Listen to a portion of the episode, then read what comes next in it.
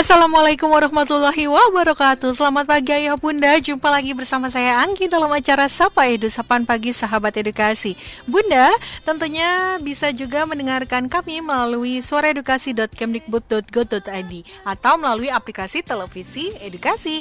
Dan ayah bunda juga bisa loh download podcast program acara Suara Edukasi melalui aplikasi Spotify. Baik ayah bunda tetap bersama kami Karena setelah yang berikut ini kami akan segera kembali. Bagaimana kabar ayah bunda pagi ini? Mudah-mudahan ayah bunda dan keluarga selalu dalam keadaan sehat walafiat ya. Dan pastinya nggak lupa juga nih ayah bunda dan keluarga terus terapkan protokol kesehatan setiap harinya dengan 3M ya. Mencuci tangan, memakai masker dan juga menjaga jarak. Penuhi 3M atau patuhi 3M jika kita sayang diri sendiri dan juga keluarga. Nah, sambil mengisi waktu ayah bunda di pagi ini, sama-sama yuk dengarkan Sapa Edu dengan tema Kembali ke sekolah dengan kebiasaan baru. Ya ya bunda, untuk ayah bunda yang yang ingin terus mendengarkan streaming kami bisa langsung klik aja ya di laman suaraedukasi.kemdikbud.go.id atau melalui aplikasi televisi edukasi. Nah, ayah bunda, memasuki masa adaptasi kebiasaan baru, aktivitas belajar dan mengajar di sebagian kecil sekolah, kampus, dan juga tempat-tempat kursus mulai aktif kembali ya.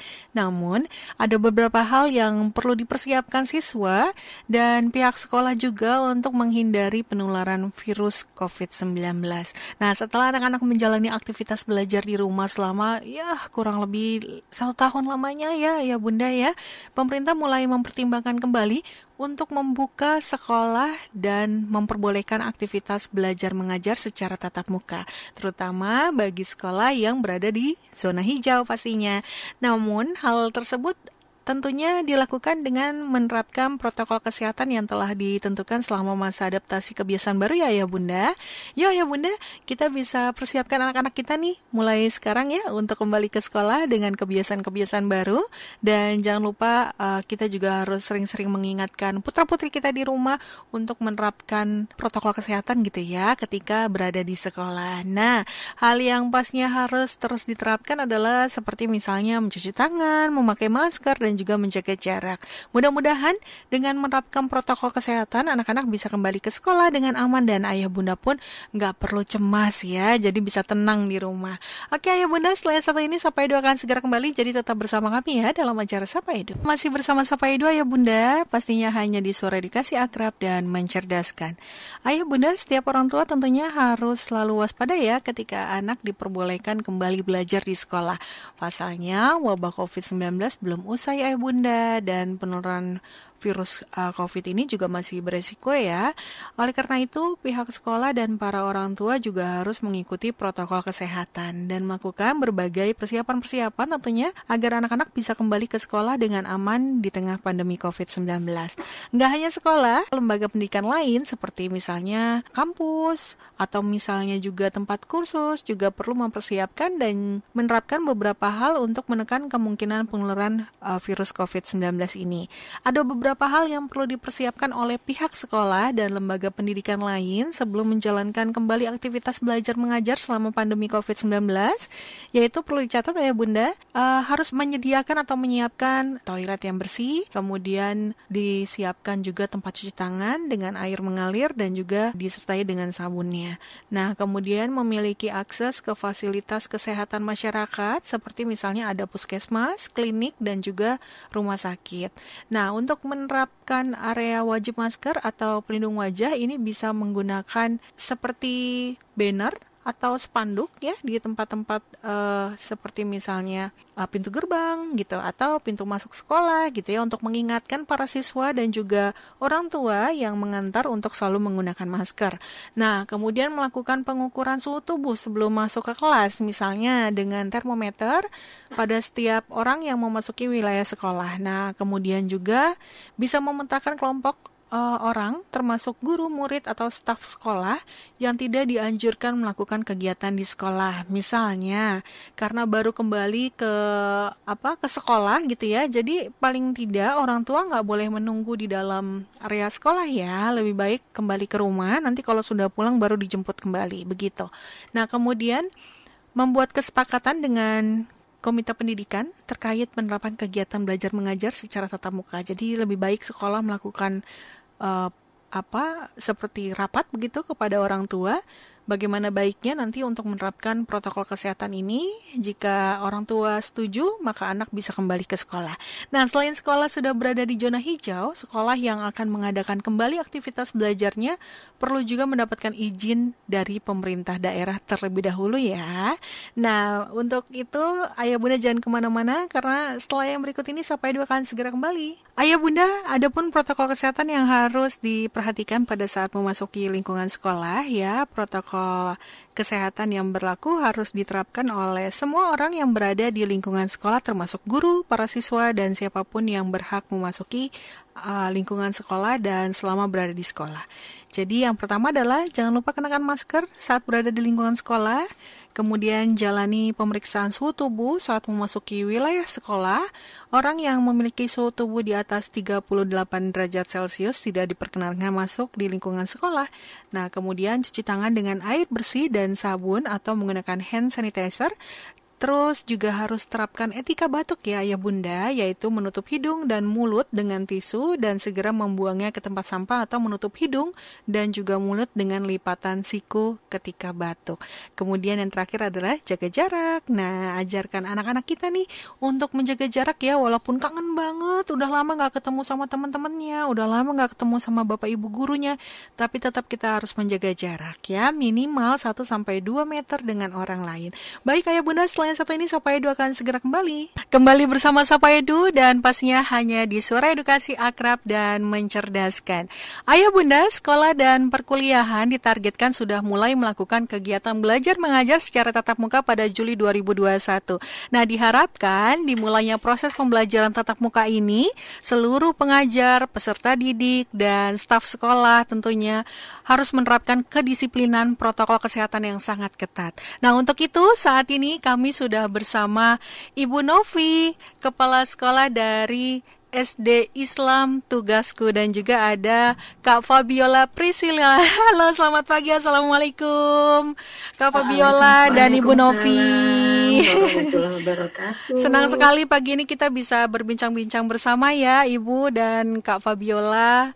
Ini terkait uh, tentang uh, rencana pemerintah untuk tatap muka di Juli 2021 nih. Saya ke Ibu Novi dulu. Nah, Ibu, apakah sekolah Ibu sudah siap untuk melaksanakan tatap muka kembali dengan menerapkan aturan penyelenggaraan pembelajaran pada masa pandemi, Ibu? Mbak Anggi, iya. uh, Bu Fabiola, ini pertanyaan sedikit agak menjebak ya. Masya Allah. Baik, siapa yang nggak kangen sekolah ya betul, Mbak? Betul, betul uh, sekali. Kami, para mm-hmm. guru yang kangen sama murid-muridnya, yeah. anak-anak yang kangen sama setiap sudut ruangnya, mm-hmm. dan tentunya tidak pernah ada cerita BDR ini bisa menggantikan fungsi sekolah kalau tetap muka. Betul. Nah, bicara kesiapan, uh, prosedurnya panjang Mbak mm-hmm. Fabiola. Kita harus yeah. bicara soal personilnya, mm-hmm. fasilitasnya, mm-hmm. tata laksana. Mm-hmm. Kalau kita bicara personil, kita tahu lah SOP-nya seperti apa, gitu ya.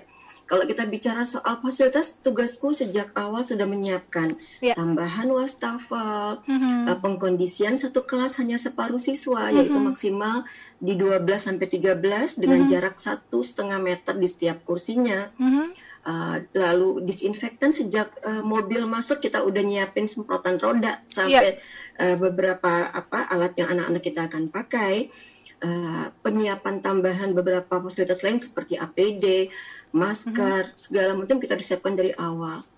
Namun seperti yang kita tahu Mbak Fabiola kita bicara soal siap ternyata mm -hmm ini akan sangat berpengaruh besar sama uh, kesiapan juga para orang tua kita yeah. untuk yeah. menyekolahkan anaknya. Betul. Kita bicara sekolah siap, orang tua siap juga akan berpengaruh juga sama kesiapan secara uh, yang paling utama pemerintah kita. Mm -hmm. Jadi kalau bicara fasilitas, insya Allah Mbak uh, Anggi, mm-hmm. kita memang berupaya setiap saat menyiapkan, bahkan di tiap beberapa radius meter itu sekolah sudah menyiapkan hand sanitizer, ada mm-hmm. yang uh, pakai apa namanya sensor, yeah. ada yang memang langsung cuci tangan, jadi itu ada.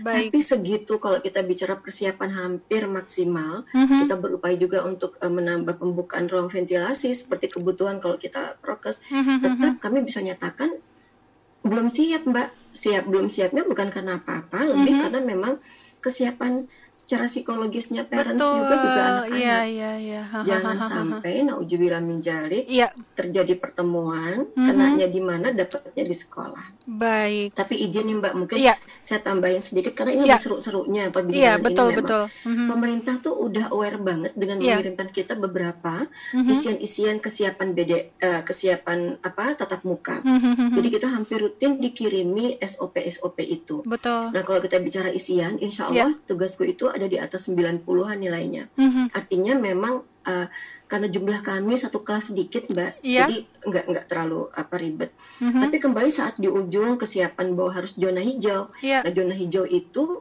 kalau sekolah zona hijau, gurunya mm-hmm. zona hijau, mm-hmm. separuh siswanya belum zona hijau. Mm-hmm. Jadi artinya itu juga bukan bukan satu uh, bicara soal kesiapan. Betul. Terus tata laksana nih Mbak, mm-hmm. anak-anak kita jangan kan anak-anak kita aja nih. Mm-hmm. Kalau udah lama nggak ketemu Mbak, ketemu sama orang tua yang kebetulan ada keperluan ke sekolah, waduh bisa bisa apa ya bisa enggak enggak sadar saking bahagianya gitu yeah, kan yeah, terus yeah. atur jarak lagi betul belum lagi kesiapan penggunaan masker nih mbak Fabiola jadi mm -hmm. uh, apa Mbak Anggi maaf ya. rutin nggak kita bisa artinya mm-hmm. tiga hal tadi fasilitas Betul. personilnya mm-hmm.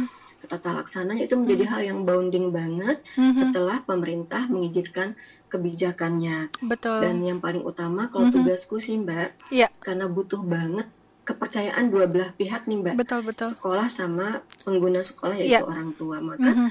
perlu banget nih orang tua juga yakin mm -hmm. sekolah siap rasanya Betul. sih kita masih akan hybrid deh mbak. Iya iya iya iya. Mungkin ada yang mau berani ke sekolah, ada yang berani ke sekolah. Baik. Gitu, mbak Fabi, iya. Mbak Anggi maaf. Oke, jadi kalau untuk fasilitas Insya Allah semuanya sudah mendukung, sudah siap ya Bu ya di tugasku ini ya Bu ya. Tapi balik lagi ke psikologis dari siswa dan juga orang tuanya ya Bu ya. Jadi harus pelan-pelan memang. Nah baik bicara Bener tentang banget. ya bicara tentang Eh, psikologis, Juli 2021 pemerintah akan memberikan izin untuk melakukan kegiatan belajar mengajar secara tatap muka. Nah, bagaimana dengan dampak psikologis anak di masa pandemi ini nih, Mbak, Mbak Fabiola? Uh, mengingat anak-anak sudah terlalu lama kayaknya melakukan pembelajaran jarak jauh juga begitu. Silakan. Iya, baik kalau secara psikologis mm -hmm. ya it depends ke anaknya sendiri ya. Seperti yeah. tadi juga Ibu Novi sudah katakan, mm -hmm. namanya anak-anak gitu. Kadang mm -hmm. terlalu exciting, lupa lah itu Betul. protokol segala macam yang udah kita siapkan dari yeah. rumah gitu ya. Kemudian memang uh, ada klien-klien atau anak-anak mm -hmm. tertentu yang mereka menjadi uh, apa ya untuk memulai komunikasi dengan temannya gitu ya mm-hmm. untuk beradaptasi itu perlu waktu mhm. meskipun mm. sebagian besar anak-anak umumnya lebih mudah beradaptasi dibandingkan orang dewasa gitu yeah. tapi pada klien-klien yang uh, saya tangani mm-hmm. ada sebagian yang justru takut untuk mulai kembali yeah. untuk beradaptasi dengan lingkungan yang tadinya sudah nyaman menjadi lingkungan baru lagi karena terlalu Betul. lama uh, apa namanya uh, daring ya yeah. atau belajar di rumah seperti itu Baik, nah agar kegiatan pembelajaran secara tatap muka dapat berjalan dengan baik nih kak, apa yang sebaiknya sekolah Aduh. dan orang tua lakukan kak menurut kakak? Yang sebaiknya orang tua lakukan ya mm -hmm. Kak Iya. Oke, okay. kalau misalnya kita uh, let's say uh, Juli 2021 gitu ya mm -hmm. dicanangkan untuk kembali tatap muka. Nah memang uh, sedari awal kita harus mm -hmm. mulai uh, menanamkan pada anak bahwa ini bukan situasi yang dulu gitu. Betul. ini adalah extraordinary, ini adalah uh, situasi yang baru sehingga kita juga uh, perlu menyiapkan berbagai bekal atau uh, apa namanya uh, pengetahuan yang harus anak itu terapkan iya. misalnya yeah. tadi pemakaian masker mm-hmm. kemudian nggak boleh tuh sharing-sharing biasanya tuh anak-anak suka sharing minuman yeah, yeah, yeah. makanan gitu ya uh, apa uh, mungkin alat-alat uh, apa tulis dan lain sebagainya mm-hmm. itu sudah sudah tidak bisa dilakukan lagi kemudian setiap mm-hmm. berapa jam harus ganti masker kemudian juga apa yang boleh disentuh apa yang tidak mm -hmm. itu tuh sulit juga Betul. terutama untuk anak-anak uh, sekolah dasar ya di mana yeah. aktivitas motoriknya sangat luar biasa mm -hmm. nah juga uh, tadi kan kangen-kangenan itu sendiri itu yeah. juga perlu kita uh, gimana ya rasanya kalau dilarang nggak mungkin gitu uh, sulit sih memang gitu kalau kalau melihat apa yang perlu disiapkan karena terlalu banyak kan makanya kalau Juni ini kok sebagai orang tua kok ya masih belum terpikir ya. Karena skenario nya itu waduh banyak banget gitu. Karena kan anak-anak lagi aktif-aktifnya. Betul. belum lagi uh, dari uh, saya belum belum dapat sih informasi yang mungkin Bu Novi bisa tambahkan uh, kurikulumnya seperti apa gitu. Oke, nah, itu kan baik. juga harus adjust di rumah. Iya, Nah, pastinya kan berbeda. Betul. kemudian juga ekskul iya. itu gimana tuh melaksanakannya nah itu juga kita perlu edukasi dari rumah untuk anak-anak ini Oke. bagaimana berinteraksi bagaimana Aha. cara belajar Aha. dan lain sebagainya Baik. Gitu. Iya, Panjang baik. itunya persiapannya Anggi Iya, baik. Bagaimana Ibu Novi tanggapannya? Jadi mungkin bisa menambahkan apa yang harus orang tua persiapkan di tengah pandemi agar anak-anak dapat kembali tatap muka di sekolah dan orang tua nggak perlu khawatir gitu ya melepas anak-anaknya ke sekolah. Silakan. Eh, aku yang Banggi. Iya, iya Ibu Novi. Baik. Eh, sekolah itu kalau saya berharapnya mem- memang jadi rumah buat anak-anak kita. Mhm. Jadi kalau parents bilang udah like a second home gitu kan. Betul. Jadi kalau kita bicara second home ya memang nyaman itu perlu. Iya, Terus kita harus start dari yang dewasanya dulu pastinya. betul. Yang tugasku lakukan sih Mbak, Mhm. eh, alhamdulillah kita membuat beberapa parenting. Iya. Jadi parenting itu judul juga judulnya lebih lucu. Jadi Mhm. bagaimana memunculkan bahagia dulu. Jadi pengennya tuh nyaman sebenarnya. Mhm. Gitu Mbak Fabiola. Ini gaya-gayaan aja nih saya sebenarnya bikin gini. Emang kita harus bahagia sih. Betul. Gitu. Jadi kalau saya nggak bisa bilang ke parent jangan cemas, jadi Iya. cemas gitu. Jadi saya bilang Betul. yuk kita bahagia. Uh, itu yang kita lakukan untuk coffee morning kita dua Mhm. tema itu kita angkat ke atas bahkan saat menyampaikan informasi di awal kita akan sampaikan juga bahwa please be happy jadi uh, itu itu re- request dan kita ulang-ulang terus kita pakai suka kita pakein tipsnya kita pakein gaya dan gerakannya itu kita lakukan tuh Mbak Anggi Iya. nah uh, setelah orang tua bisa happy dia pun bisa menjadi pendamping yang baik di rumah misalkan tetap kita masih fluktuatif nih kan memang kalau kita belajar di negara yang udah duluan Mhm. uh, juga agak panjang waktu yang diperlukan Betul. untuk anak kembali masuk ke sekolah. Jadi uh, tetap parents harus harus happy dulu. Kita tahu bahwa tugas orang tua menjadi bertambah walaupun Betul. memang sekarang ada bonding yang kita rasakan bisa lebih keren, Mhm. tapi tidak menjadi bonding yang istimewa seandainya orang tua juga udah nggak happy kan, Iya. yang ada jadi horor gitu Betul. Nah, jadi baik lagi nih Mbak Andi kalau Iya.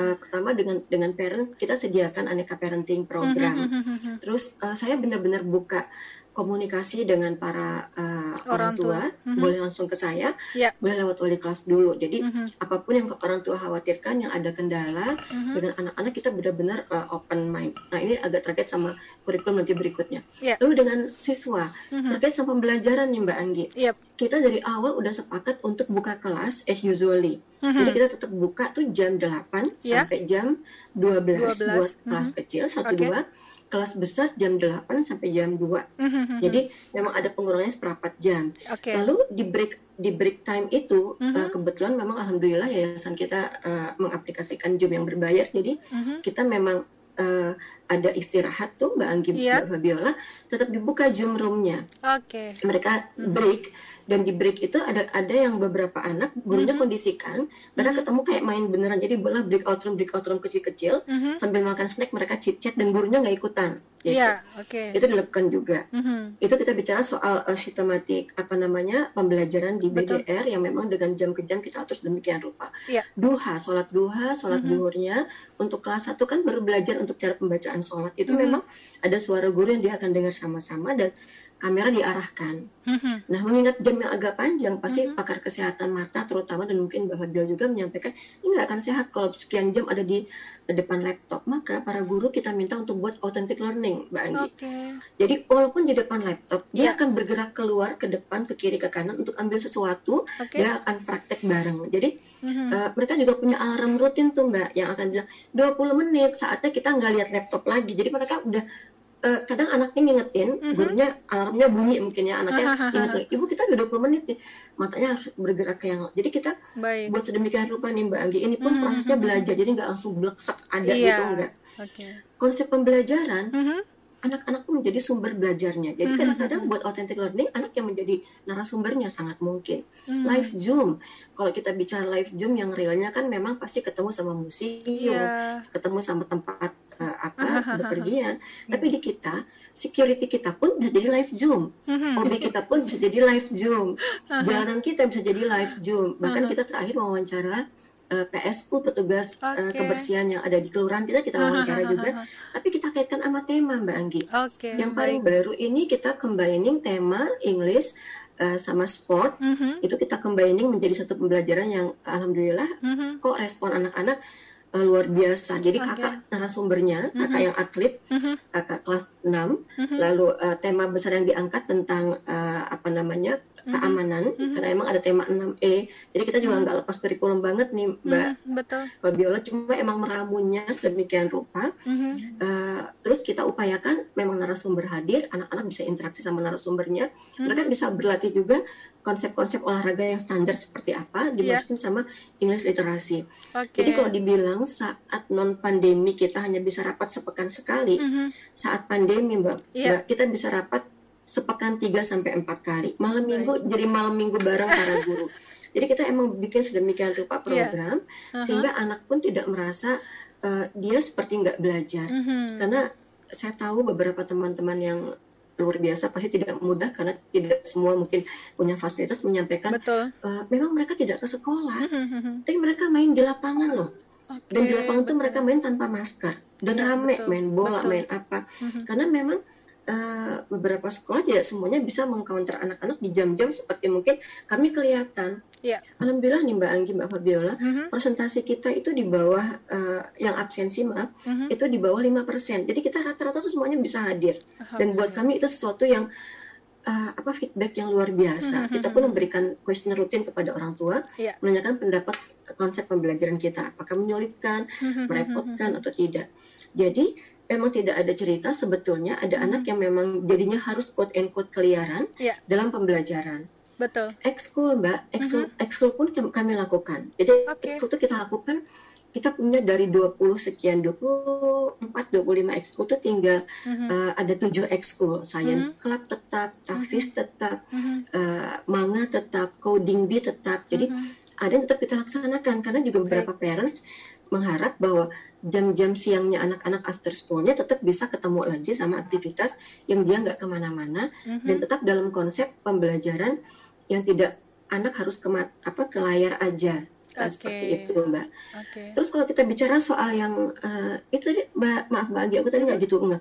Mbak mm -hmm. tanya yang BDR apa yang in schoolnya rencana sekolah buat in schoolnya mbak yang untuk tatap mukanya? Iya untuk rencana tatap muka. Nah, tatap uh. muka. Tatap muka nanti Mbak Anggi. Uh -huh. Pertama udah pasti kita pastikan SOP-nya adalah Diknas mengizinkan kita buka sekolah. Iya, betul. Setelah bisa mengizinkan, lalu kita kita punya Satgas Covid Mbak di sekolah. Iya. Kita akan diskusi pastinya sama Satgas Covid kita tentang kesiapan sekolah. Jadi make sure lagi uh -huh. tiap titik yang memang sudah dilihat uh, apakah memang apa namanya uh, untuk kebersihannya, genitasnya, betul, betul. untuk uh, ventilasi udaranya, yeah untuk alat-alat APD yang dibutuhkan sama mm-hmm, sekolah, uh, ekstra masker dan mm-hmm. seterusnya itu kita pastiin dulu. Lalu pintu masuk, pintu keluar pun kita akan buat beda. Itu udah okay. ada SOP yang memang atau tata laksana yang kita udah rencanakan sih Mbak Anggi. Nah, nanti saat di kelas pastinya yeah. akan dibatasi jumlah peserta okay. dan jumlah waktu. Karena nggak mungkin waktunya panjang. Yeah. Kita akan mungkin start dengan dua jam dulu Betul. sih waktu kemarin ngobrol sama Pak Direktur dan itu akan berselang-seling. Yeah. Itu pun masih ada buka kemungkinan. Jadi harus ada backup lagi saat ada orang tua yang kita udah diizinkan buka, udah dibuat sedemikian rupa progresnya, tapi orang tua tetap nggak mau kirim anaknya ke sekolah. Okay. kita akan bikin masih ada rasa ragu online ya? learning buat mm-hmm. anak-anak yang memang tidak ke sekolah anaknya. Oke. Okay. Ini kalau kita bicara soal hybrid nih Mbak, yeah. jadi ntar buka tutup. Mm-hmm. Kalau kita bicara blended tadi yeah. dia di on Zoom, tapi mm-hmm. dia emang nanti dia keluar untuk yeah. belajar luringnya uh, di luar dari dari habit sendiri. Yeah. Jadi kembali lagi Mbak Anggi kata-kata kunci utama setelah pemerintah izinkan mm-hmm. kita diskus sama satgas COVID kita, Betul. kita buat SOP kembali, mm-hmm. mencek kembali tata mm-hmm. laksana dengan uji coba pembiasaan dulu. Mungkin anak-anak okay. kita kita akan minta beberapa menit durasi nggak buka masker, mm-hmm. syukur sih bisa sejam dua jam di rumah mm-hmm. tapi dia pakai masker, jadi mm-hmm. ada kebiasaan. Lalu berikutnya memang kita pastikan durasi dan jumlahnya kita batasi. Kalau naujubillah semua naujubillah uh -uh. dalam prosesnya ternyata ada yang tidak uh, situasi tidak enak lagi, uh-huh. ya bukan enggak, mungkin kita akan tutup lagi. Iya. Artinya Mbak Anggi, Mbak Fabiola, uh-huh. tugasku Juli ini uh-huh. memang belum akan siap untuk buka sekolah, walaupun Baik. pemerintah izinkan, Baik. karena memang kita beberapa kali uji coba Mbak Anggi. Iya, iya. Uh, kita punya drive-in, uh-huh. kita punya uh, drive-in untuk pengambilan rapor, uh-huh. kita punya drive-in untuk anak-anak ketemu sama guru-gurunya, uh-huh. dan kita lihat orang tua masih tinggi kekhawatirannya dan sangat wajar emang vaksin betul. di Jakarta pun belum berjalan nih. Iya, betul. Jadi kalau daerah udah dua kali vaksin, Mbak, DKI itu belum. Iya. Coba. Tapi effort kita kepada orang tua saat pemerintah berikan kesempatan buat vaksin, coba vaksin deh kesempatan itu diambil karena yeah. itu preventif Betul. yang memang kita diberikan pintunya oleh Allah iya. juga yeah. nih. Jadi mm-hmm. yuk kita Bismillah vaksin deh. Yeah. Vaksin Indonesia juga jangan takut nih Mbak. Mm-hmm. Nih kami udah undang kemarin mm-hmm. uh, eh, PMGTK mengundang dokter untuk bicara soal vaksin. Okay. Dan itu ahli vaksin yang bicara. Okay. Vaksin Indonesia itu hega Mbak. Okay. Halal, mm-hmm. efektif. Mm-hmm gratis okay. dan insya Allah aman. Jadi Allah aman. yuk divaksin para orang tuanya. Anak emang belum ada, tapi minimal yeah. Uh, kita yang mungkin masih suka keluar rumah, mm -hmm. kita udah ada preventifnya. Jadi okay. saya bilang juga sama guru-guru, ini kalau kelamaan misalkan belum ada juga dari pendidikan belum, -hmm. kita rumah udah dibuka dari dari kelurahan RT RW setempat, Betul. jangan pernah ragu buat vaksin. Betul. Jadi lagi-lagi nih Mbak, Mbak, mm-hmm. memang kalau kita bicara seperti yang Mbak Fabiola, Mbak Fabiola tadi bilang, mm-hmm. itu kelengkapannya emang krusial banget, banyak Betul banget. Sekali. Mm-hmm. Ditanya Juli, tugasku siap apa enggak sih? Jujur sampai kemarin kita ngobrol sama direktur, sama yeah. POMG, mm-hmm. perwakilan orang tua, mm-hmm. uh, kesimpulan kita memang pada konteks yang kita masih harus berpikir ulang Mbak untuk yeah. pembukaan. Yeah. Bayangin Mbak, kita punya SD aja nih 460-an siswa misalnya. Betul orang tua yang pingin banget karena udah kewalahan misalkan cuma sekitar 10-20 persen yeah. kita nggak mungkin mengorbankan yang banyak terus gimana ngobatin kangen-kangennya ya kita bikin mbak kita serang-seling kita ada drive innya jadi sempetin yeah. anak juga lihat teman-temannya kita lagi berpikir memang nih mbak drive in yang luas luasnya agak agak besar yeah, baik jadi bicara soal tatap muka kita udah buat sih mbak tata laksananya yeah. kita udah buat dari sisi kurikulumnya yeah. karena pemerintah izinkan kita nih Mbak Fabiola mm-hmm. boleh kurikulum mandiri mm-hmm. tapi kita masih akan lihat mm-hmm. uh, apa namanya kesiapan dari semua pihak orang okay, tua baik. sekolah semua pemerintah sendiri iya baik gitu. jadi kalau banyak kan ya jawabannya betul sekali kalau ditanya kesiapan pastinya uh, sekolah kepinginnya sih kembali ke sekolah semua anak-anak ya, tapi banyak sekali persiapan-persiapan yang harus benar-benar matang, benar-benar difikirkan dan ini nantinya uh, bisa berjalan dengan baik begitu Ibu ya. Jadi uh, mungkin dari segi vaksinasi aja guru-guru sampai dengan saat ini belum dapat ya Bu ya, termasuk Ibu juga belum ya. Gitu. Jadi bagaimana kita mau menjalankan uh, tatap muka secara lancar begitu ya, sedangkan kita aja belum mendapatkan vaksin begitu. Baik, ini bicara tentang yang namanya kecemasan banyak orang nih, Kak Fabiola ya. Para ahli memperingatkan juga bahwa sebagian kecil orang bisa mengalami masalah kesehatan mental yang berkepanjangan. Nah, lebih lama dari pandemi itu sendiri katanya. Bagaimana tanggapan Kakak terkait dengan hal tersebut, Kak? Dan apa sih yang disebut dengan kesehatan me mental yang berkepanjangan ini? Silakan Kak Fabiola. Iya, jadi memang uh, setiap orang itu kan punya resiliensi yang berbeda Betul. gitu ya, punya pengalaman yang berbeda, uh, punya berbagai macam keunikan sehingga ketika dihadapkan pada satu tantangan yang sama mm-hmm. bisa jadi responnya berbeda. Nah, tadi uh, Kak Anggi kan sudah mengatakan sebagian kecil ya yeah. itu uh, menunjukkan dampak yang uh, kesehatan mentalnya terganggu Betul. seperti itu ya. Tapi sebagian besar uh, bisa kok kita bangkit gitu. Yeah. Nah, apa yang dimaksudkan dengan uh, apa namanya masalah dampak panjang. Ini misalnya hmm, kecemasan uh, nanti aku tertular nggak gitu iya, ya? betul. Uh, kemudian uh, ada yang salah nggak dalam sehari ini aku berinteraksi seperti itu. belum lagi nanti ada misalnya masalah obsesif kompulsif misalnya ya sedikit-sedikit pakai hand sanitizer gitu.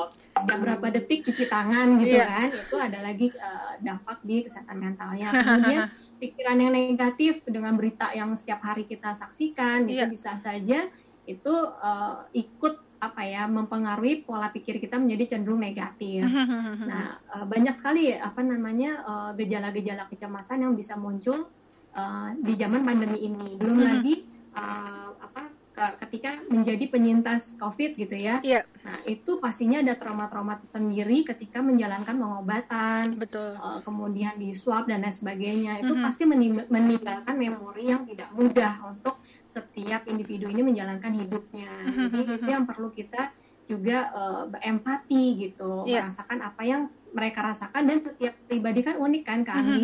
Betul. Jadi itu yang memang PR sih buat ke depannya kalau misalnya tatap muka ini uh, dilangsungkan tidak hanya masalah uh, persiapan, yeah. kemudian uh, apa namanya manual, guidelines seperti itu, tapi juga lebih kepada secara psikologis setiap individu itu perlu mm-hmm. ditreatment secara berbeda. Nah itu itu sih yang perlu kita pikirkan juga. Iya baik.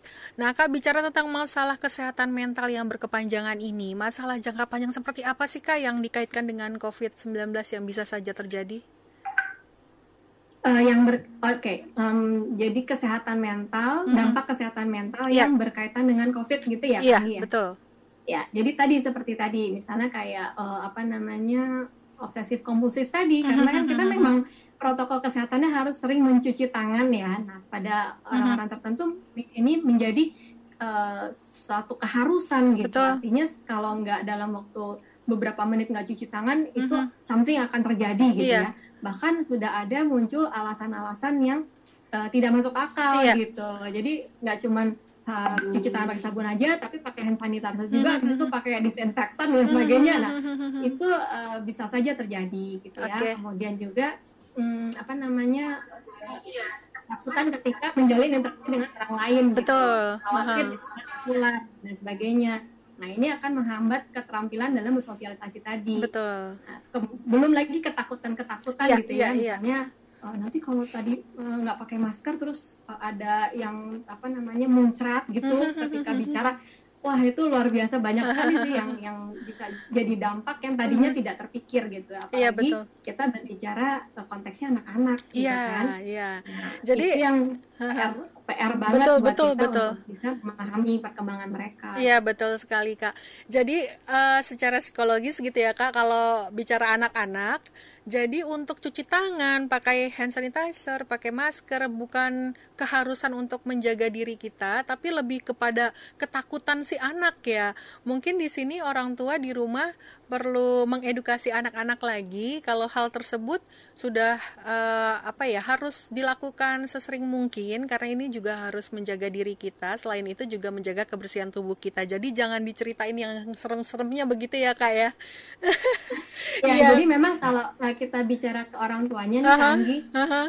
Uh, antisipasinya gini ketika uh -huh. anak itu tadi benar yang seperti Kanggi bilang uh -huh. sudah ada perasaan takut uh -huh. cemas yeah. ada perilaku negatif menarik mm -hmm. diri dan juga minat-minatnya menjadi hilang gitu yeah. tadinya suka nyanyi jadi nggak mau tadinya mm -hmm. jadi gambar jadi nggak mau nah itu perilaku-perilaku tadi yang memang menandakan bahwa kesehatan mental anak sudah mulai terganggu oke okay, betul ya baik kita ke Ibu Novi sebagai kepala sekolah tentunya merupakan seseorang yang berada di garda terdepan dalam upaya mencerdaskan bangsa ya Ibu. Kepala sekolah memikul tanggung jawab yang sangat besar terhadap kenyamanan dan juga ketertiban lingkungan sekolah serta warga sekolahnya. Nah, rasa aman dan nyaman ini harus dirasakan tentunya oleh guru juga dan siswa dan uh, pastinya orang tua gitu ya, termasuk dalam hal keamanan dan juga kenyamanan di masa tanggap darurat COVID-19. Di satu sisi, Bapak Ibu harus tetap dapat memberikan yang terbaik untuk para siswa-siswinya tapi di sisi lain keadaannya nggak memungkinkan begitu ya. Bagaimana bagaimana tanggapan Ibu mengenai, hal tersebut, Bu? Iya, Bismillah, Mbak Anggi. Ya. Tadi yang Mbak Fabio bilang tuh sampai yang disampaikan betul banget. Betul. Jadi sebenarnya Mbak Fabio nggak cuma anak-anak loh, mm -hmm. parents bahkan para guru pun ada yang uh, seperti itu. Mm -hmm. Karena kita tahu berita yang merebak. Belum kalau di kalangan uh, keluarga sekolah sendiri ada yang sedang kena, terus yeah. ada yang memang uh, apa ada episode yang memang sudah Allah panggil mm-hmm. gitu kan jadi sesuatu yang uh, kata kunci tadi uh, Mbak Anggi benar yeah. memang saya mohon pertolongan Allah pastinya untuk bisa membuat uh, orang tua anak-anak dan para guru mm-hmm. nyaman stepnya adalah kalau untuk uh, guru-guru saya juga akan melihat mereka jadi mm-hmm. saat misalkan nih uh, ada teman-teman guru yang kelihatan uh, sedang nggak mood atau yeah. ada yang lagi agak turun semangatnya, mm-hmm. saya akan panggil pribadi Mbak okay. saya akan diskusi langsung. memang alhamdulillah belum ada yang sampai harus ke psikolog kami kan yeah, juga ada yeah. psikolog di sekolah. Mm-hmm. Jadi kita ngobrol aja mengeluarkan apa yang dirasakan tidak nyaman, yang pasti jenuh sekian jam di depan mm-hmm. laptop setiap hari itu kebayang. Baru kita yeah. bicara tips dan triknya dengan teman-teman ini. Mm-hmm. Jadi kita punya sesi ketemuan bareng, ketemuan perparada, ketemuan pribadi. Mm-hmm. Yang kedua dengan orang tua. Yeah. Nah orang tua selain parenting yang saya sampaikan tadi Mbak, mm-hmm. jadi parenting yang saya bawa itu emang kita mencoba ambil tema yang mm-hmm. tema yang agak ringan-ringan yeah. yang memang lebih ke bicara tentang uh, apa uh, tentang agak spiritual mm -hmm. terus uh, hati terus membuat orang tua Baik. meyakini bahwa setiap episode itu memang sudah ada yang mengatur. Iya. Nah, uh, Kak Fabiola, ini bicara ya. tentang sebagai orang tua begitu ya. kira-kira sudah siapkah melepas anak-anak kakak untuk kembali ke sekolah? belum langsung oke baik jujur ya mbak okay, jujur ya karena ya uh, apa ya kita juga kan melihat kondisi sekarang gitu ya uh, belum ada kelihatan ada penurunan juga ya, habis itu ada uh, kelas apa namanya uh, apa uh, yang yang baru lagi gitu ya mutasi lagi gitu ya. aduh kok kayaknya berat ya masih berat sebagai orang tua untuk Uh, kami kan bertanya sebagai orang tua ya, ya jadi betul. saya jawab langsung jujur kok kayaknya berat gitu. Berat Tapi ya, ya. Uh, tanpa meragukan uh, pemerintah maupun uh, pihak sekolah ya, kami benar-benar kalau dari orang tua sendiri uh, rasanya kok panjang gitu persiapan, kemudian observasi baik dari anak maupun uh, kondisi negara kita gitu yeah. ya sebelum kita uh, apa namanya um, cukup bisa melepaskan anak untuk berinteraksi di sekolah kembali. Baik, walaupun sekolah sudah benar-benar uh, matang istilahnya gitu ya sudah menyiapkan berbagai fasilitas yang mendukung untuk protokol kesehatan tetapkah masih belum bisa melepas anak ke sekolah. Memang uh, saya tidak mewakilkan orang tua ya, ya kami ya, artinya pastinya tadi ya. seperti juga Ibu Nevi sudah sudah katakan bahwa uh, ada sebagian orang tua yang memang siap gitu uh, untuk bisa uh, anaknya kembali ke sekolah. Hmm. Tapi kalau untuk saya pribadi melihat kondisi saat ini uh, masih banyak yeah. sekali yang perlu kami persiapkan gitu sebelum anak-anak uh, siap kembali untuk tatap muka. Hmm. Karena kebetulan saya punya anak-anak yang aktif sekali, jadi uh, baru kita ajak uh, keluar aja tuh kayaknya terlalu apa exciting gitu ya jadi yeah. bekalnya harus berbanyak sebelum yeah. bisa bertatap muka di sekolah baik gitu. jadi mungkin uh, yang sekolah lakukan misalnya seperti uji coba itu boleh lah ya kak ya untuk oh iya dong kita dukung uh, mengajak anak-anak untuk beradaptasi lagi ke sekolah sebelum benar-benar pemerintah uh, membuka kembali sekolah pada Juli 2021 Betul. nanti ya kak ya baik kembali ke Ibu Novi tentunya kembali juga ya, karena pemerintah uh, terhadap uh, apa pembukaan sekolah gitu ya tatap muka langsung uh, pada Juli 2021. Nah, anak-anak dapat tatap muka langsung di sekolah dengan guru-guru kesayangan mereka pastinya itu udah merupakan hal yang sangat ditunggu-tunggu ya oleh anak-anak ya Ibu ya. Namun sudahkah pihak sekolah membicarakannya dengan para orang tua Bu terkait dengan rencana Juli 2021 uh, ini? Iya Mbak Anggi, uh, beberapa kali kita punya event bareng parents juga Mbak. Yang terbaru sih yang kita akan lakukan adalah pentas seni. Uh-huh. Jadi saat pentas seni ini kita memang akan uh, membuka peluang buat anak-anak yang memang bisa datang langsung untuk latihan, untuk uh, apa namanya, untuk blocking hmm. sampai ke syuting. Jadi 3 sampai empat kali. Hmm. Maka dari awal tahun awal semester 2 ini kita udah kirim kuesioner kepada orang tua dan Betul.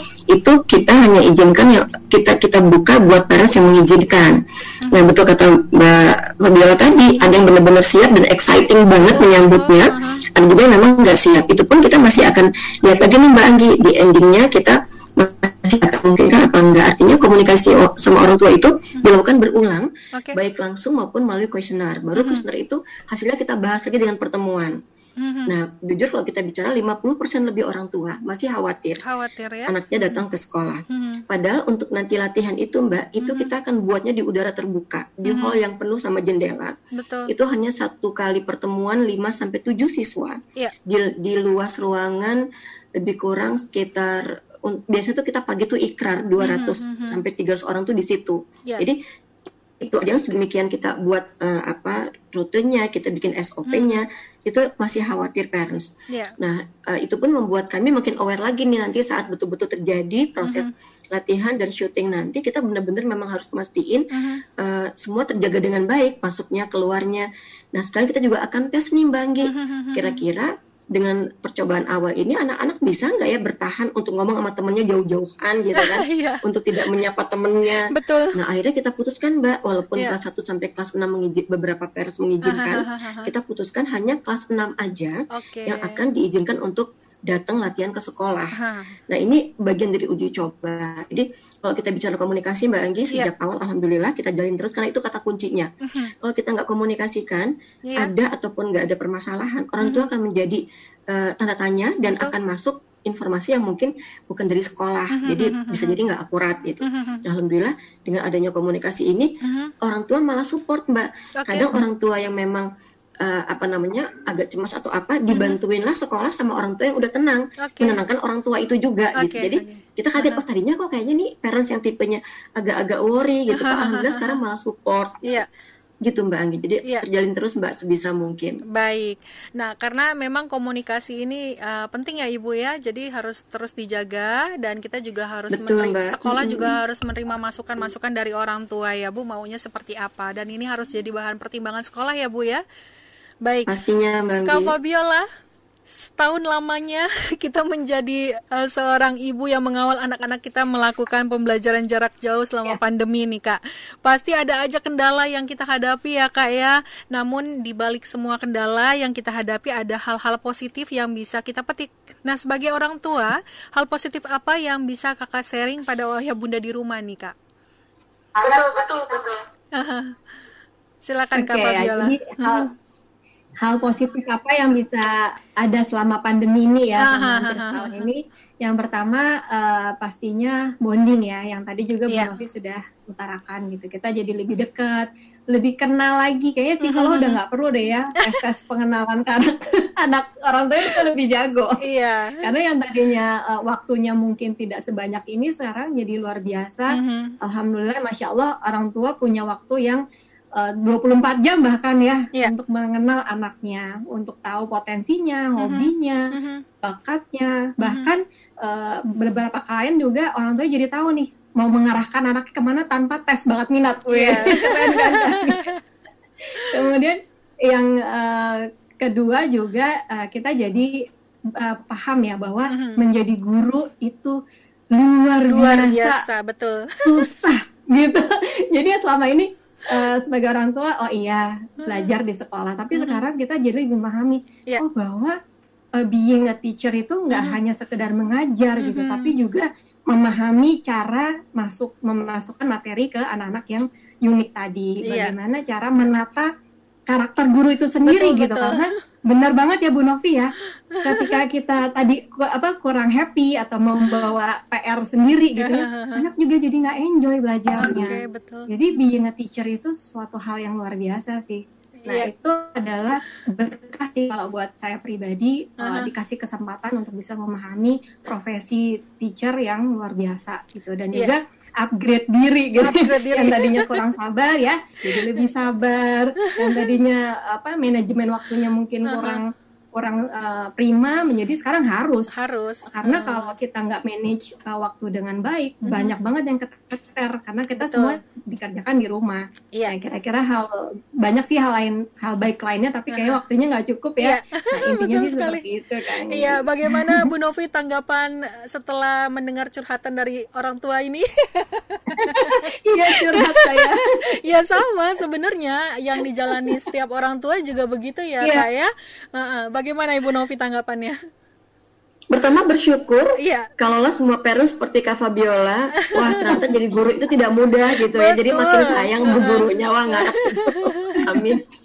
Uh, yang kedua, uh-huh. betul uh, Mbak Fabiola setuju banget.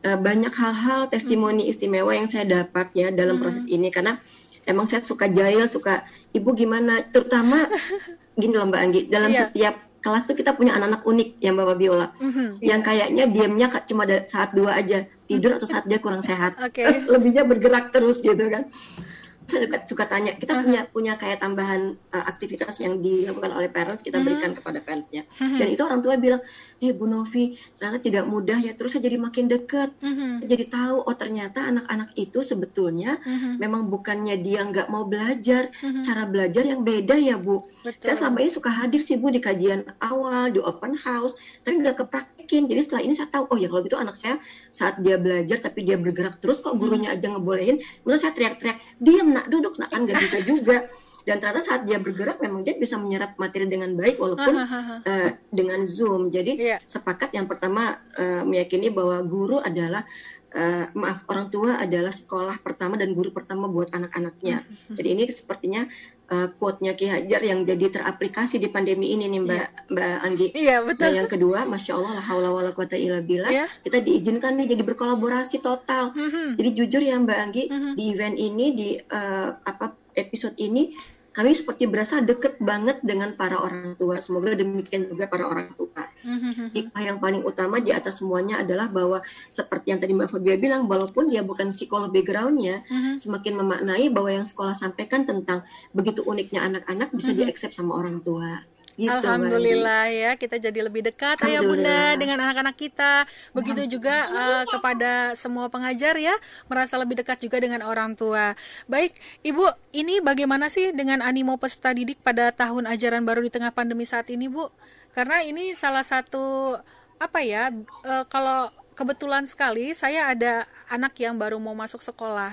Nah ini banyak sekali sekolah-sekolah yang bilang aduh menurun katanya begitu ya jadi yang harusnya TKA nanti aja dia tunggu TKB ini bagaimana kalau di sekolah tugasku bu Ya barakallah ya bu. Ha? Kayaknya iklan utama malah orang tua loh mbak okay. Jadi alhamdulillah Januari udah penuh mbak. Udah penuh ya, alhamdulillah. Berarti. Jadi saya juga hmm. bersyukur Allah yang mengatur jadi kalau kita ngo jadi kalau tugasku tuh PPDB itu ada mm-hmm. wawancara orang tua. Mm-hmm. Kita tuh suka tanya. Yeah. Karena ada ada yang memang nggak jauh nggak deket-deket dari tugasku juga terus mm-hmm. datang ke tugasku. Mm-hmm. Dan jawaban mereka tuh seperti itu. Alhamdulillah okay. Bu. Kami dengar, kami juga ikutin IG-nya uh, tugasku, mm-hmm. kita ikutin uh, medsos tugasku. Yeah. Kok kayaknya uh, apa meet requirement keluarga kami. Jadi mm-hmm. ya alhamdulillah Mbak Anggi. Jadi semua okay. Allah yang mengatur ya. Yeah. Uh, kalaupun menurun pastilah ada ya. Yeah. Saya yakin karena tidak mudah juga di uh, apa era ini karena kan tugasku memang berbayar Mbak Anggi. Artinya uh, orang tua pun mungkin punya kendala dari sisi perekonomian juga yeah. dalam masa-masa seperti ini. Yeah. Tapi alhamdulillahnya memang tetap masih berlebih Mbak. Iya, Jadi yeah, memang kita di Januari kemarin udah udah close alhamdulillah. Baik, berarti animonya masih terus ya Bu ya. Alhamdulillah malah penuh ya sekarang ya. Baik, terakhir Ibu pesan dan harapan terkait dengan tema kita pada hari ini Ibu. Iya, waduh masya Allah ini luar biasa ya Mbak. Kayaknya quote yang yang simpel ya Mbak. Uh, saya bersyukur sekali hari ini Allah izinkan yeah. untuk bergabung dengan Mbak Fabiola, Mbak Anggi di acara yang luar biasa ini. Kita semuanya mungkin perlu melakukan uh, kalau istilah saya B23M, Mbak. Apa itu, Ibu? Jadi berdoa terus, okay. bahagia terus. Okay. Hmm. Karena, wajib mbak, iya, wajib, wajib itu. Terus yang 3 m itu 3 m yang kita. Aha. Jadi emang perlu banget. Jadi Aha. kalau saya boleh urut, pertama memang yang dilakukan adalah memakai maskernya. Oke. Okay. Yang kedua menjaga jaraknya, tiga mencuci tangannya. Okay. Jadi ini uh, hal yang mungkin kita uh, lakukan. Mm-hmm. Insya Allah nih kalau lima-limanya kita lakukan, mm-hmm. saya sih walaupun nanti tugasku masih banyak yang keberatan untuk buka ya sih optimis deh. Insya Allah kayaknya tuh kita kumpul, mm-hmm. kita bisa lakukan yeah. Iya. uh, kumpul itu. Jadi kita tatap mukanya bisa siap gitu. Kalau kita terus-terusan, saya suka bilang gini loh Mbak Anggi lucu ya. Mm-hmm. Teman-teman mau masuk ruangan, ruangan mana pun deh, mau restoran, mau kelas, mau apa, bahkan tugas ruang tugasku sekalian, sekalipun maaf masuk tuh baca doa saya bilang itu yeah. paling singkatnya tuh Betul. ayat kursi sama tiga kol saya bilang ke mana pun teman-teman masuk terus yeah. kedua kedua ya bahagia wajib bahagia uh -huh. kalau lagi sedih cemas yakin episodenya Allah Allah atur Allah punya jalan keluarnya iya, betul. sama 3M itu nggak mungkin kita nggak ikhtiar dengan uh, eh, 3M-nya iya. jadi itu Mbak Anggi kuatnya karena betul. persiapan kayak apa pun istimewanya tidak siapan itu tetap akan kelihatan okay. jadi yuk kita tetap aja deh B23M betul. gitu Mbak Anggi B23M wah ini harus dicatat ya ya Bunda ya dan harus kita terapkan dalam kehidupan sehari-hari karena memang kalau bahagianya berkurang takutnya nanti imunnya juga turun ya Bu. Jadi harus bahagia banget, terus. Banget. Baik, ya uh, silakan Kak Fabiola terakhir pesan dan harapan terkait dengan tema kita pada hari ini. Iya, alhamdulillah ya luar biasa acara ya. hari ini mudah-mudahan bisa bermanfaat. Uh, mungkin sebagai penutup bisa ditambahkan bahwa uh, sebagai orang tua pasti harus mendukung ya mm-hmm. apa pun program yang uh, apa namanya diberikan pemerintah maupun Betul. sekolah. Nah iya. caranya yeah. gimana? Mulai dari sekarang kita simulasi nih di di rumah, uh-huh, udah mulai dia. main drama gitu ya. yeah, yeah. Nanti kalau ke sekolah uh, ceritanya Mama jadi teman kamu ya baru ketemu gimana gitu. Mama jadi guru kamu ya gimana. Jadi mereka uh, ada memori, ada pengalaman dan ada keterampilan yang Betul. perlu kita uh, berikan sebelum nanti tatap muka di sekolah. Betul nah, tadi juga benar hmm. banget berdoa bahagia, protokol kesehatan dan juga pola hidup sehat Betul. supaya ketika nanti waktunya sudah sampai hmm. kita juga dalam kondisi yang prima untuk sekolah. Yeah. Artinya istirahatnya cukup, disiplin. Nah, ini balik lagi nih waktunya dibiasakan balik lagi nih yeah. ketika nanti harus tatap muka. Jadi nggak mm -hmm. bisa tuh bangun siang, kemudian kadang baju masih wah gitu ya. Udah mulai habitu uh, apa kebiasaannya diperbaiki lagi. Betul. Jadi benar-benar ketika nanti waktunya semua persiapan sudah prima. Betul. Itu. Dan terakhir adalah pikiran yang positif. Yeah. Jadi ketika mereka sudah tatap uh, muka ke sekolah, pastinya mm -hmm. secara mental mereka siap dengan pola pikir yang optimis dan positif seperti itu Kanggi. Baik, terima kasih Kak Fabiola dan juga Ibu Novi ya. Terima kasih hari ini kita banyak sekali mendapatkan uh, apa? masukan gitu ya dari pihak sekolah dan juga uh, dari Kak Fabiola sebagai psikolog anak dan juga orang tua ya. Jadi ini adalah PR kita bersama ayah bunda di rumah. Jadi siap atau tidak siap otomatis kita juga harus menyiapkan anak kita ya Betul. untuk uh, kembali ke sekolah. Jadi nggak ada salahnya kita latih mulai dari uh, sekarang ya ya bunda ya. Biasakan tadi 3 M jangan lupa dan juga uh, makanan bergizinya juga jangan lupa diperhatikan dan yang pasti jangan lupa uh, jangan lupa juga berdoa dan juga tadi bahagia ya Ibu Novi ya. ya. Baik terima kasih banyak waktunya Kak Fabiola dan Ibu Novi. Sehat-sehat terus ya. Sehat-sehat terus untuk semuanya. Assalamualaikum. Amin amin. Waalaikumsalam warahmatullahi Baik ayah bunda, jangan ke mana-mana, tetap bersama kami bersama Sapa Edu pastinya karena setelah yang berikut ini Sapa Edu akan segera kembali. Senang sekali rasanya ya, tadi kita sudah berbincang-bincang dengan Ibu Novi, merupakan kepala sekolah dari SD Islam Tugasku Jakarta Timur dan juga ada Kak Fabiola Priscilla ya merupakan psikolog anak. Dan kita banyak sekali mendapatkan informasi gitu ya tentang kesiapan ke sekolah nanti dan juga ada dari sisi psikologinya untuk anak-anak kita bagaimana begitu ya. Mudah-mudahan informasi tadi dapat membantu ayah bunda di rumah untuk tidak ragu mungkin ya atau menyiapkan anak-anak untuk kembali ke sekolah dengan cara tatap muka ya. Jadi insya Allah kalau misalnya kita yakin anak kita baik-baik aja dan kita sudah menyiapkan anak-anak kita dari sekarang untuk kesehatannya, untuk melatih anak-anak agar tetap menjaga protokol kesehatan dan juga pastinya untuk selalu jaga jarak dan juga anak-anak semua harus terus dalam kondisi yang baik begitu di sekolah ya. Ini merupakan hal yang sangat penting. Jadi jangan ragu untuk terus menerapkan kepada anak-anak atau mengedukasi anak tentang yang namanya 3M tadi ya ya Bunda. Rokasi. Baik, sampai di sini dulu ya Bunda perjumpaan kita dalam acara Sapa Edu dan pastinya kita akan ketemu lagi dalam acara dan uh, tema yang berbeda dan semoga apa yang sama-sama kita bahas hari ini dapat bermanfaat untuk kita semua. Akhir kata saya ucapkan terima kasih atas perhatiannya. Mohon maaf jika ada salah-salah kata. Wassalamualaikum warahmatullahi wabarakatuh.